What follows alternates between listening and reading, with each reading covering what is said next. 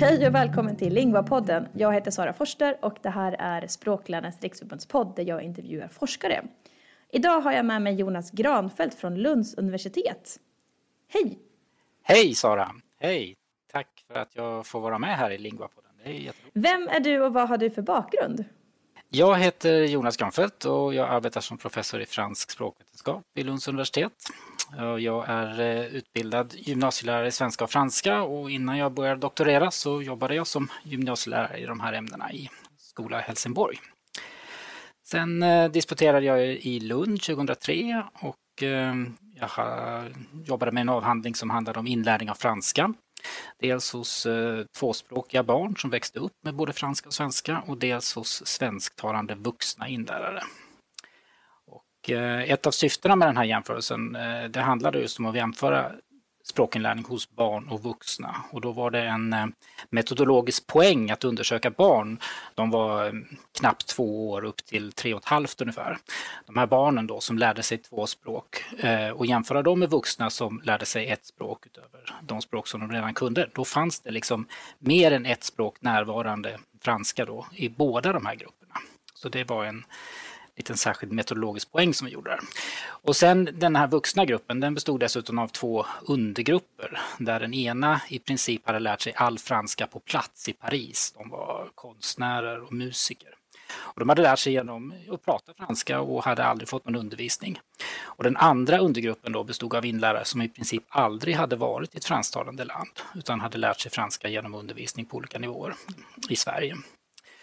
Och eh, frågan här då var det lite förenklat då om de vuxna utan undervisning skulle mer likna de här tvåspråkiga barnen eftersom ingen av dem hade fått någon undervisning.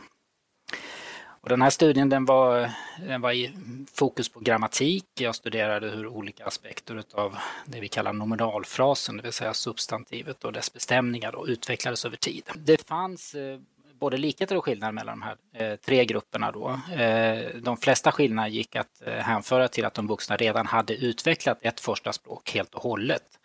Och däremot så fanns det ingen betydande skillnad mellan de vuxna som hade fått undervisning och de som inte hade fått. Vill du berätta lite mer om talprojektet som ju nu är avslutat? Det vill jag gärna göra. Och, eh, talprojektet det var ett samarbete mellan universiteten i Lund, Göteborg och Stockholm vi var sex stycken forskare som arbetade tillsammans och finansieringen kom från Vetenskapsrådet. TAL var ett eh, utbildningsvetenskapligt projekt. Och det innebär att frågeställningarna handlade om lärande, undervisning och bedömning men utifrån ett lite bredare perspektiv än bara rent språkliga, kognitiva och psykologiska som ofta är fallet i språklärningsforskningen. TAR-projektet var dessutom uppdelat i två faser där den första syftade till att undersöka det som man brukar kalla för ramfaktorer för moderna språk i grundskolan.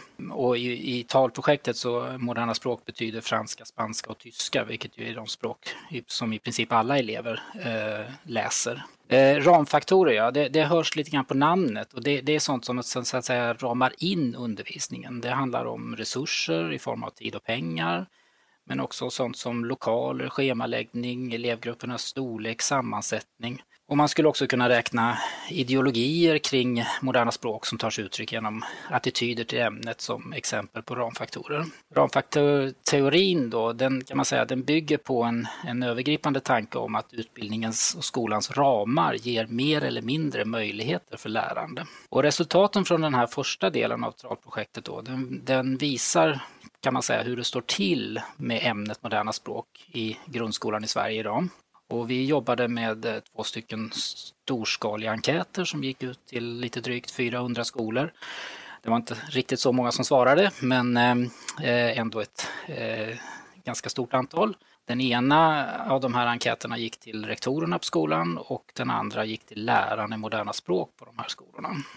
Och vi har eh, förstås många resultat från TAL-projektet och vi har rapporterat om det i en hel del artiklar och eh, allra flesta av dem finns eh, tillgängliga på vår hemsida som eh, heter Tal LUSC. Men jag tänkte nämna några här. Eh, ett första resultat det handlar om eh, utbudet av moderna språk som eleverna kan välja på skolorna. Och det visade sig då genom vår enkät att på drygt 70 procent av skolorna som svarade i undersökningen så erbjuds alla tre språken, franska, spanska och tyska. vilket är eh, ganska bra. Men eh, om det är ett språk som inte erbjuds så är det oftast franska. Och eh, franska håller för övrigt på att försvinna på ganska många håll och det brukar rapporteras om det ibland i media.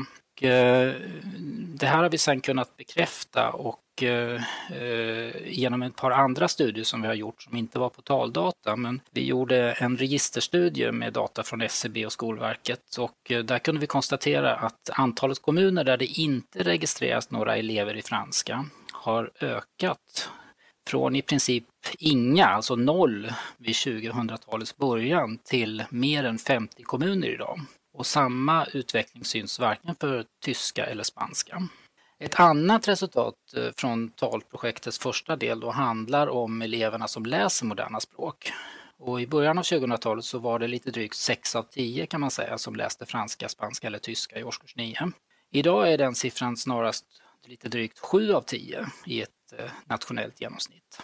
Och det är ju positivt med en större andel som har valt att läsa moderna språk och stannat kvar hela vägen till nian. Men eh, när man tittar på det lite mer i detalj på de här siffrorna så ser man också någonting annat. För att eh, när 2000-talet inleddes så fanns det faktiskt inga skillnader alls mellan städer och landsbygd vad gällde moderna språk. Andelen som läste moderna språk var lika stor överallt.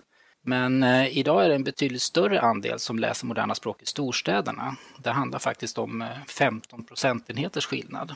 Och det här gapet tycks som växa från år till år och eh, vi har visat att det har ökat signifikant.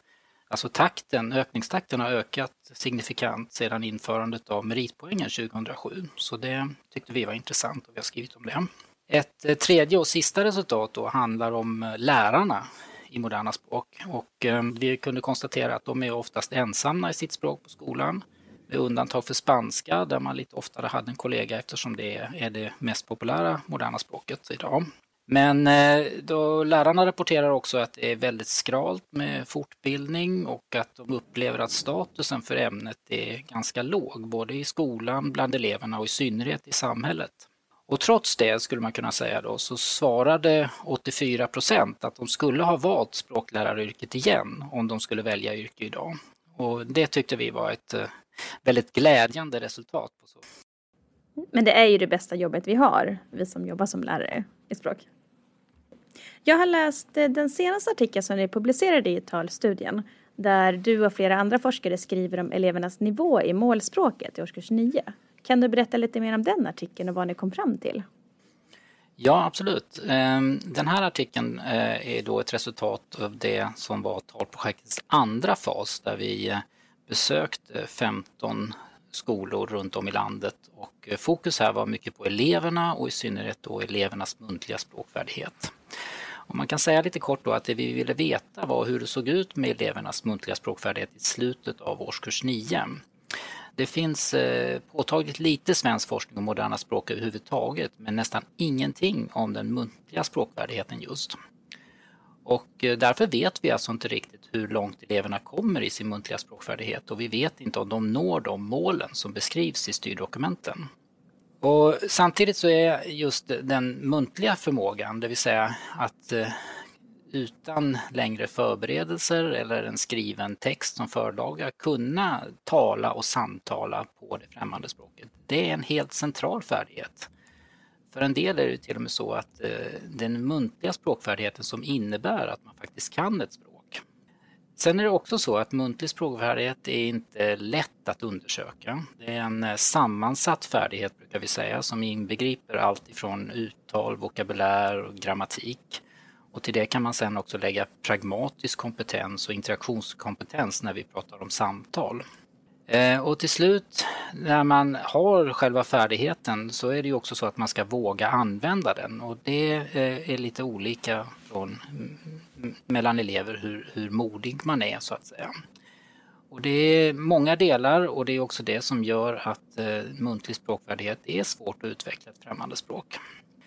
Vi gjorde så i den här studien att vi studerade produktion och interaktion var för sig genom att eleverna gjorde en monologisk uppgift och en dialogisk uppgift på sina respektive språk.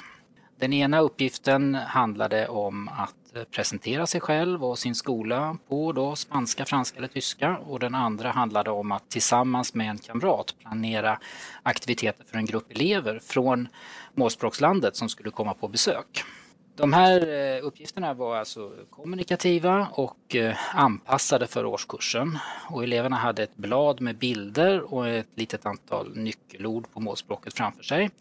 De fick eh, lite tid att förbereda sig men de fick inte skriva ner i förväg vad de skulle säga. Instruktionen var att de skulle prata så mycket de kunde men att de skulle prata fritt. Och eh, totalt eh, 122 elever deltog i den här studien och det var förstås frivilligt för eleverna att delta även om läraren och eh, skolledningen hade gått med på att eh, delta i den här frasen av projektet. Eh, eleverna filmades när de gjorde de två uppgifterna. Sen så använde vi den gemensamma referensramen för språk, GERS, som utgångspunkt när språkfärdighetsnivån skulle bedömas.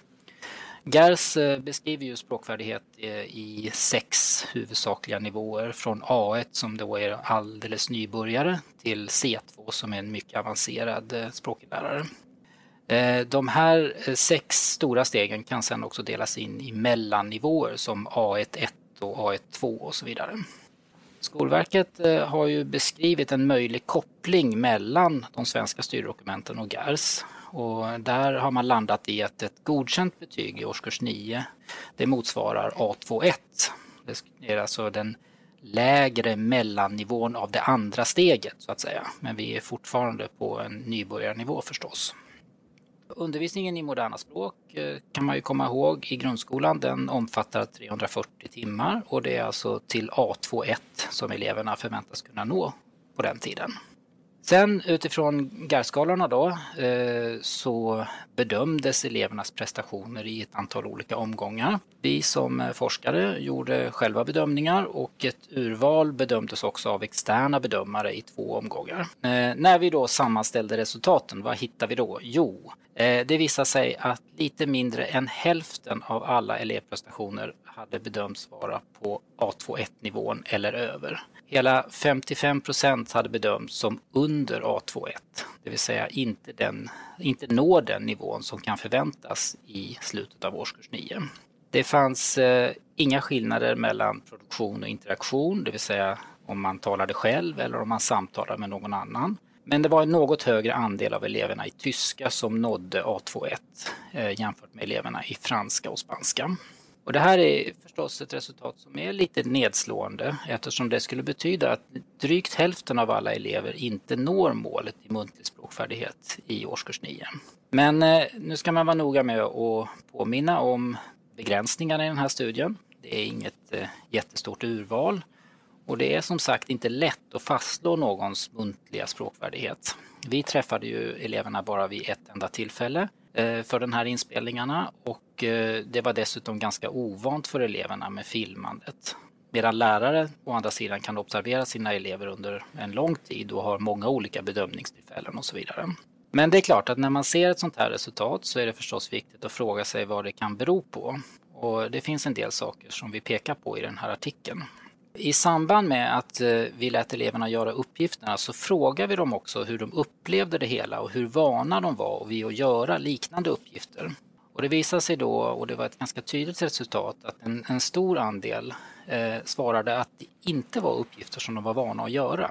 Det märktes också att, eh, tyckte vi, att eleverna var obekväma när de skulle prata fritt och inte hade någon skriven text, alltså någon skriven förlaga till det de skulle säga. Och det finns en del andra rapporter, till exempel en från Skolinspektionen som kom förra året, som pekar på att muntliga uppgifter i den utsträckningen de finns ofta är mer rutinbaserade som hälsnings eller avskedsfraser eller att de bygger på att eleverna först har skrivit ner vad de ska säga. Och det här hänger samman med en, en, större fråga som handlar om användandet av målspråket i klassrummet. Och I talprojektets enkät till lärare så visar det sig att eh, tre av fyra bedömer själva att de använder målspråket mindre än halva lektionstiden. Och det är klart att eh, om läraren inte använder målspråket särskilt ofta och kanske bara till att säga hej och hej då så blir det en högre tröskel för eleverna Eh, att, göra det, att använda målspråket i andra kommunikativa situationer. Sen eh, ska man förstås inte förenkla det här till att det bara handlar om att läraren ska prata franska, spanska eller tyska på lektionerna eh, och tro att det kommer ändras någonting utifrån det. Det handlar också om att använda aktiviteter och, eh, som passar eleverna och deras nivå. Och för de som tycker att det kan vara svårt kan man ju påminna om att det kommit en hel del publikationer här de senaste åren som skulle kunna vara en hjälpsamma i det sammanhanget. Jag tänker till exempel på Birgitta Hellqvist och eh, Nicolas Manugaras bok eh, Målspråksanvändning i klassrummet. De var ju också med här i Lingua-podden för en tid sedan. Hur kan undervisningen organiseras så att den främjar elevernas muntliga färdighet? Ja, eh, det här beror ju förstås då på Eh, vilka elever man undervisar och hur långt de har kommit i sin språkinlärning. Men eh, om vi utgår från elever som vi mötte eh, i talprojektet och som var på A-nivå då i GARS-termer, alltså nybörjare, kanske undantagsvis på B-nivå, så skulle man kunna peka på betydelsen av några saker. Forskning visar då att för de här nivåerna så är det några delar som spelar särskilt stor roll för den muntliga språkfärdigheten. Och det är vokabulär, inklusive det som vi idag kallar för formelstrukturer. Det är flyt och uttal och det är grundläggande grammatik. Och det är väl inga överraskningar gissar jag för erfarna språklärare. Men eh, det är viktigt att komma ihåg att för alla de här kunskaperna så behöver vi dels lära in dem en första gång men sen behöver vi också befästa dem eller konsoliderad och när kunskaperna väl är befästa då kan vi nå dem snabbare och eh, kanske till och med automatiskt som man säger. Och då kan man fråga sig hur kan man befästa kunskaper genom undervisningen? Hur kan man stärka olika delar av den här språkmuskeln som, eh, eh, som jag brukar beskriva språkfärdigheter som ibland.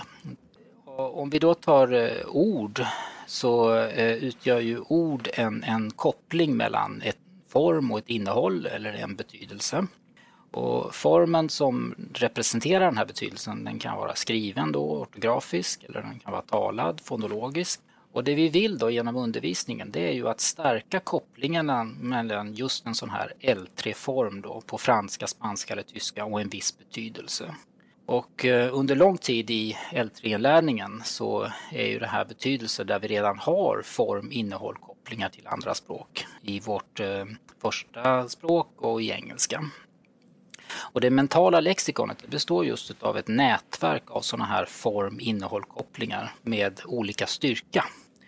Och det, det, fina är att eh, alla gånger vi exponeras för formen och kan göra kopplingen till betydelsen så kommer den här kopplingen att stärkas. Både när vi ser ordet i skrift och när vi hör ordet i tal. Och det kan till och med vara så att en multimodal exponering, det vill säga både tal och skrift samtidigt, och så kanske en gest på det också, eh, stärker den här kopplingen ännu mer. Sen eh, det vi behöver göra i undervisningen då, det är att vi behöver upprepa exponeringen. Gärna med lite mellanrum i tid eh, så att det hinner att konsolideras emellan. Men vi behöver också träna på att hämta fram den här kunskapen själva, eller eleverna behöver träna på att hämta fram kunskapen själva. Det är det här som ibland kallas för testbaserat lärande och testeffekter på lärande. När vi då efter en exponering gör uppgifter där vi ska, själva ska hämta fram ordet. Det kan vara en, till exempel en lukttest eller kanske en översättning. Och det vi eh, idag kallar för formelstrukturer då, eller fasta uttryck, det fungerar på samma sätt som ord i det här syftet. Bara det att det här kan vara ännu bättre i så mått att det är, det är flera ord som hänger ihop. Om vi sen tänker på flyt och, och flyt definierat som förmågan att hålla i talet över en lite längre tidsperiod så förstår man ju att, att flyt underlättas om eleven har starka och eh, starka sådana här form-innehåll-kopplingar när eh, han eller hon ska formulera någonting. Men sen ska ju de här orden också produceras muntligt. Det kan vara så att aktiviteter som syftar till muntligt flyt kanske har fallit lite i glömska efter den eh, kommunikativa språkundervisningens intåg. Och därför så kan det vara värt att påminna lite om sådana eh, övningar och aktiviteter. Och då tänker jag på övningar som Eh, kallas för tracking på engelska, eh, där eleven lyssnar på någonting och sen imiterar det som sägs omedelbart. Eh, det finns också en annan teknik som kallas för skuggning eller shadowing, där man lyssnar på en liten bit av någonting och sen stänger av ljudet och så ska man försöka upprepa det som har sagts. Och det här kan ju göras lite mer lustfyllt än det kanske låter när jag beskriver det så här. Man kan ju tänka sig att man gör det så att eleverna sjunger med i de bästa låtarna just nu och kan man inte göra det i helklass så kanske det går att göra i mindre grupper eller individuellt. En annan sån här aktivitet eh, brukar kallas för 4321 aktiviteten. Och den kan man göra till exempel som en eh, klassrumsmingel och då är, går det ut på att man presenterar samma innehåll snabbare för varje gång. Först kanske på fyra minuter och så nästa gång på tre minuter och så vidare. Eller så tar man någon annan tidsram som passar. Och eleverna kan också spela in sig själva och träna på och presentera eller säga det här snabbare för varje gång. Och man kan tänka sig att om man har precis börjat arbeta med ett nytt eh, område och eh, introducerat en del ny vokabulär så kan det här vara en aktivitet just för att befästa och göra de här nya form innehållkopplingarna starkare. Och I en sån här övning så kommer ju eleverna också snabbt se resultat. De kommer att uppleva att det, faktiskt, att det faktiskt blir bättre och att de blir snabbare för varje gång. Och det kan vara viktigt, inte minst för motivationen. Poängen här är ju det att eh, för att kunna göra de här mer kommunikativt inriktade muntliga uppgifterna som de vi bad eleverna i talprojektet att göra och som också beskrivs i kursplanerna så behöver en hel del av den här grundläggande språkfärdigheten vara åtminstone delvis automatiserad. Annars är risken att eleverna vid fri muntlig produktion, att de fastnar och kanske till och med ger upp. Alltså de tänker att eh, jag kommer inte på tillräckligt snabbt vad 83 heter på franska och när jag väl kom på det så kunde jag ändå inte säga det där långa uttrycket med något, något flyt. Och det är klart att eh, det går att öva upp flyt genom att göra fria och kommunikativa uppgifter också. Men de här mer fokuserade aktiviteterna som syftar till att automatisera flytet, de är lite mer effektiva eftersom de ger en större träningsmängd. Och sen kan man ju också naturligtvis upprepa kommunikativa uppgifter i sig flera gånger och eleverna och till exempel om de har spelat in sig själva kan ju se att de har utvecklats sen förra gången. Vi har ju pratat om, mest om muntlig färdighet idag också lite om annat. Men när det kommer till muntlig färdighet, vad kan jag ta med mig till mitt klassrum redan imorgon? Det bästa svaret på den frågan tror jag är om det kommer fram i ett samtal med lärare och där kunskaper och erfarenheter av olika typer möts. För att eh, det är just i mötet och diskussionen med andra som en eh, hållbar utveckling av undervisningen är möjlig tror jag. Och, eh, men, men ett annat sätt att svara på frågan då skulle kunna vara att rekommendera att gå till Skolverkets kompetensutvecklingsmaterial som heter Språksprånget. Det är ju ett ämnesdidaktiskt material för moderna språk och det bygger just på den här principen om kollegialt lärande. Och I Språksprånget så finns det ett antal moduler och det finns en om muntlig språkvärdighet som vi har pratat om här idag. Och jag tror att det är ett bra ställe att tillsammans med kollegorna börja utveckla sin undervisning. Även om förändringen så att säga inte kanske sker imorgon utan först på lite längre sikt. Mm. Tusen tack för att du var med Jonas. Tack så mycket för att jag fick vara med.